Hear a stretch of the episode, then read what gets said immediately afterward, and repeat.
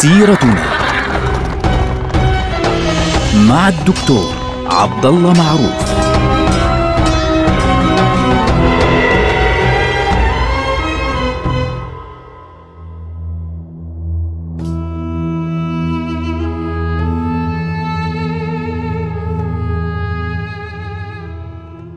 السلام عليكم ورحمة الله وبركاته. سيرتنا سيرة هذه الأمة العظيمة ونحن الآن في يوم عظيم في يوم فتح بيت المقدس. صلاح الدين سر سرورا عظيما ويعني دقت البشائر في كل مكان بهذا الخبر العظيم بفتح بيت المقدس. واحتفل الناس من بغداد إلى آخر الدنيا بهذا اليوم العظيم. طبعا الخليفة في ذلك الوقت كان الخليفة الناصر اللي هو أطول الخلفاء العباسيين حكما. وكان قد سره ذلك الخبر سرورا عظيما أنه فتحت بيت المقدس في عهده. لكن السؤال المطروح هل يا ترى سكتت أوروبا عن هذا الأمر هل سيسكت الصليبيون على هذه الحادثة؟ طبعا إذا كان يعني فتح الرهى قد يعني جر إلى بداية الحملة الصليبية الثانية التي يعني يعني اكتملت حقيقة وجردت لها بعد زواج آه، نور الدين محمود بن عصمة الدين ابنة معين الدين أنار. فيعني إذا كانت أوروبا جردت حملة صليبية كاملة الحملة الثانية لذلك الحدث، كيف سيكون الرد فعليا على فتح بيت المقدس. طبعا في أوروبا كانت صدمة عظيمة جدا. ذكر البعض أن البابا عندما وصله الخبر في روما يعني مات مباشرة من شدة الصدمة. وطيف أيضا في شوارع أوروبا بصور يعني لسيدنا عيسى عليه الصلاة والسلام ووراءه سيدنا محمد صلى الله عليه وسلم يضربه بعصا. يعني تخيلوا الإذاعة والإعلام في ذلك الوقت كيف كان يعمل عمله فعليا في أوروبا. في ذلك الموقف. يعني كانت أوروبا تعتبر أنه هذا الأمر في غاية الخطورة. طبعا وفاة البابا أوربان الثامن الذي كما قلنا توفي بمجرد سماعه خبر آه، فتح بيت المقدس على يد المسلمين جعل خليفته اللي هو البابا غريغوريوس الثامن يعني يصدر منشورا بابويا مباشرة يدعو فيه إلى حملة صليبية جديدة. وأمر الناس بالصيام كل أسبوع في يوم الجمعة على امتداد سنوات طويلة خمس سنوات وهو يأمرهم كل أسبوع عليكم الصيام يوم الجمعة آه، ليه؟ حتى آه، يعني تطلبوا النصر من الله. على هؤلاء المسلمين. بل إنه أمر المسيحيين في أوروبا طوال هذه الفترة بالامتناع عن أكل اللحم مرتين في الأسبوع. يعني الشيء كان عجيب. طبعا مين اللي قام بهذه المهمة؟ كان هناك يعني آه، كاردينال عظيم اللي هو إنريكو. آه هذا إنريكو يعني حمل هذه القصة من عند البابا وانتشر ونشرها في كل مكان. ولاحقا يعني حل البابا كليمونت الثالث مكان البابا غريغوريوس و يعني أكمل هذه الطريقة فعليا. وكان الرهبان الذين يتبعون البابا اللي هو ال cardinals هؤلاء كانوا يطوفون في كل أنحاء فرنسا وإنجلترا وألمانيا يدعون إلى الحملة الصليبية الجديدة ماشيين على أقدامهم. يعني كانوا يمشون على أقدامهم لكي يشجعوا الناس فعليا وفعلا كانت هذه الحملة يعني بدايتها كانت أوروبا تتحرق شوقا يعني لهزيمة المسلمين. هذه الحملة بدأت بعد سنتين تقريبا من فتح بيت المقدس. يعني خلال سنتين تتجهز الأمة عندهم أوروبا كاملة وبدأت هذه الحملة الحملة في سنة 1189 للميلاد اللي هو يعني 585 تقريبا للهجرة. وبدأ يشارك فيها عدد كبير جدا من الإقطاعيين من الفرسان من كل مكان حقيقة في هذه البقعة. هذه الحملة شارك فيها ثلاثة ملوك أوروبيين. الأول هو ملك فرنسا فيليب أوغسطس الثاني وملك إنجلترا آه ريتشارد الذي أصبح اسمه بعد هيك ريتشارد قلب الأسد Lionheart وأيضا ملك ألبانيا اللي هو فريدريك الأول بربروسا كما يسمى أو يقال له فريدريك بربروسا طبعا أول من تحرك اتفق هؤلاء الملوك على أنه أول من سيتحرك هو ملك ألمانيا لأنه رفض أن يعني يبحر في البر في البحر وقال أنا سأذهب برا.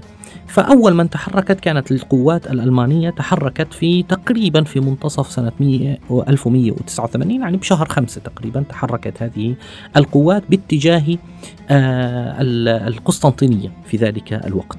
وأثناء مرورها بعد فترة طويلة فعليا من التحرك في أوروبا وعبر بيزنطة وعدة مشاكل فعليا حدث أنه الملك نفسه فريدريك الأول بارباروسا غرق في أحد الأنهار في آسيا الصغرى يعني في تركيا. غرق في هذا النهر وبالتالي يعني تشتتت هذه الحملة وتشتت جيش آه، ألمانيا. أما ملك آه، فرنسا وملك إنجلترا فقد تحرك كلاهما بحرا باتجاه بيت المقدس. طبعا كيف كان الموضوع يعني أو الوضع في داخل الأراضي الإسلامية؟ طبعا عند تحرير بيت المقدس إخواننا يجب أن نفهم نقطة أنه صلاح الدين لم يحرر كل الأراضي. بقي عند الصليبيين منطقة صغيرة شريط صغير. هذا الشريط يمتد من طرابلس مدينة طرابلس في لبنان حتى مدينة صور. في لبنان يعني تقريبا قد لبنان اليوم يعني هذه المساحة بقيت موجودة بيد الصليبيين. فصور ستصبح هي المكان الذي ينطلق منه الصليبيون بالكامل.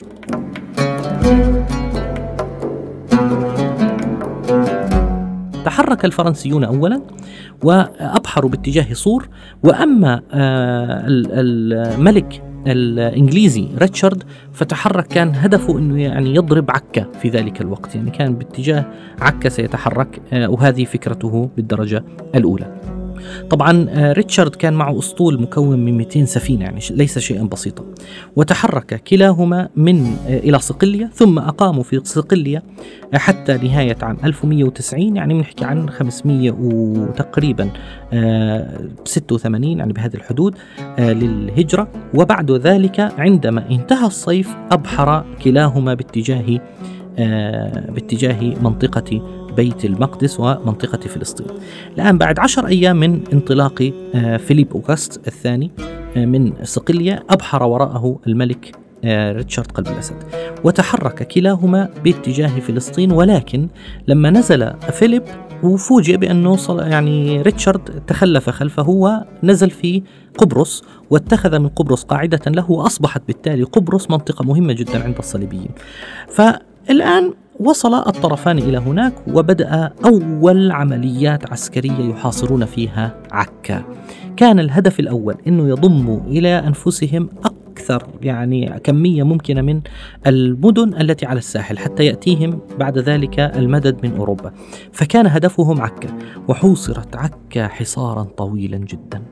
يعني كان حصار قاسي جدا على آه، المسلمين في عكا. وصلاح الدين كان يحاول بكل قوته أن يفك الحصار عن عكا. لكن لما وصل هذا المجرم ريتشارد قلب الأسد تمكن من استلام زمام المبادرة على عكا وضعفت عكا أمامه. ولم يتمكن صلاح الدين من نجدة عكا لأن الفرنسيين من ناحية وصور من ناحية وهنا من ناحية وهذا من ناحية وريتشارد الآن من ناحية. كانت هناك مشاكل كبيرة جدا أدت إلى أن صلاح الدين لا يتمكن للأسف الشديد من الوصول إلى عكا وإعانتها فدخل هذا المجرم ريتشارد إلى عكا وأعدم أسرى المسلمين جميعا ثلاثة آلاف أسير. طبعا صلاح الدين يعني تأثر جدا بذلك. حدثت مشاكل بين ريتشارد قلب الأسد وبين فيليب الثاني ففيليب حمل حاله وقال له احل عني لا أريدك أصلا ولا أريد كل هذه الحملة وحمل حاله ورجع لفرنسا. طبعا هذا سيكون له دور مهم لاحقا في أنه ريتشارد كيف سينسحب من هذه البقعة. فبدأت سلسلة طويلة من المعارك والحروب بين ريتشارد قلب الأسد من ناحية وبين صلاح الدين. هذه المعارك عدة يعني استمرت عدة سنوات. من يوم ما وصل ريتشارد قلب الأسد حتى يعني انتهى الأمر على توقيع صلح الرملة حوالي سنتين تقريبا وصلاح الدين يقاتل هذا الرجل وهذا الرجل يقاتل صلاح الدين بكل قوتهما ولكن لم يتمكن أحد فعليا من هزيمة الثاني. طبعا صلاح الدين خسر عددا كبيرا لا بأس به من الأراضي، يعني خسر منطقة قيساريا، خسر منطقة تصل حتى تقريبا يافا.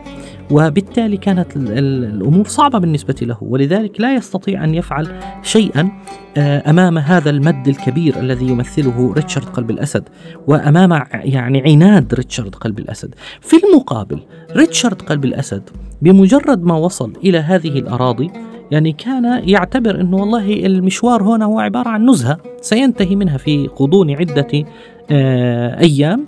وبعد ذلك بيطرد صلاح الدين يقول له يلا امشي برا. ويستلم الأمر فعليا ويقول له يلا مع السلامة خلاص وانتهى الأمر. وهذا الأمر كان صلاح الدين يعني يعني يريه إنه إنه كلام فاضي. شو وين أنت عايش؟ يعني من تظن نفسك؟ وفوجئ ريتشارد بقوة صلاح الدين. في نفس الوقت صلاح الدين فوجئ بقوة ريتشارد. لم يتمكن أحدهما من هزيمة الآخر على فكرة. يعني آه، صلاح الدين كان من أكثر الأشياء التي أثرت به يعني سلبا كانت قضية الأمر الذي حدث في آه، في عكا عندما قتل ثلاثة ألاف أسير. وهذه الصورة البشعة لرشاد قلب الأسد أصبحت هي الصورة التي يعني تغطي على آه، كافة ما يسمى بإنجازاته على الأقل يعني في كتب التاريخ. فسبحان الله العظيم يعني بالنهاية بالنهاية صلاح الدين وريتشارد قلب الأسد دخل في عدة معارك. ريتشارد بقي وحيدا بعد انسحاب فيليب أوستوس اللي هو ملك فرنسا بقي وحيدا وبدأ يواجه صلاح الدين في كل بقعة. يعني في من 587 ل 588 اللي هي عز الأزمة كانت بين 1191 للميلاد و 1192 للميلاد. كانت هناك عدة معارك كبيرة بين الطرفين كان منها معركة كبيرة شمال يافا اسمها معركة أرسوف. هذه حدثت في عام 1191 للميلاد 587 للهجرة. يعني كاد صلاح الدين أن ينهي هذه المعركة بإبادة ريتشارد قلب الأسد لكن ريتشارد قلب الأسد أعاد تنظيم صفوفه بكل قوته بالفعل. ولم يتمكن صلاح الدين من هزيمته. ريتشارد قلب الأسد حاول أن يهزم صلاح الدين بعد ذلك في معركة أخرى أكثر من معركة طبعا لكنه في معركة أخرى مقابل أرسوف مباشرة لكنه لم يتمكن. وبالتالي وصلت الفكرة أنه هذول الطرفين صار كل واحد ينظر إنه مش عارفين شو بدنا نعمل يعني يعني لا هذا قادر على هذا ولا هذا قادر على هذا. في المقابل صارت تصل أخبار إلى ريتشارد قلب الأسد تقول له إنه فيليب الملك فيليب بدأ يهاجم ويخطط لمهاجمة مناطق يعني تتبع للملك ريتشارد في إنجلترا وما حولها. وفي المقابل هناك ابن أخوه آه لريتشارد يعني يفكر بالانقلاب عليه ويرتب مع فيليب انقلابا على الملك. ريتشارد. صلاح الدين بالمقابل الضغط العسكري اللي كان عليه كان هائل جدا.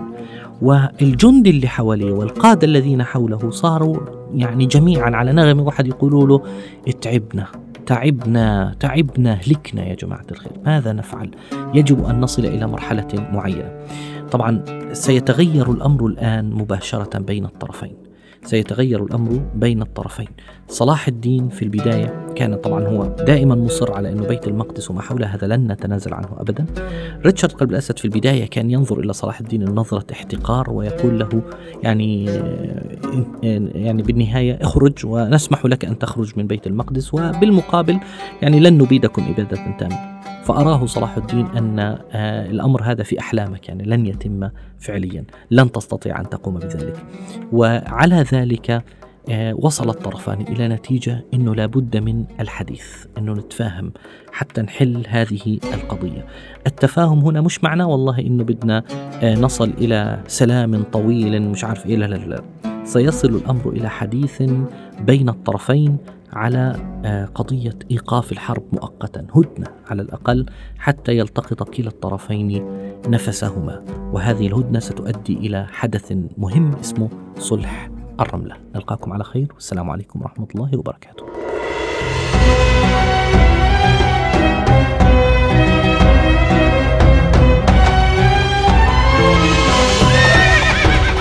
سيرتنا مع الدكتور عبد الله معروف.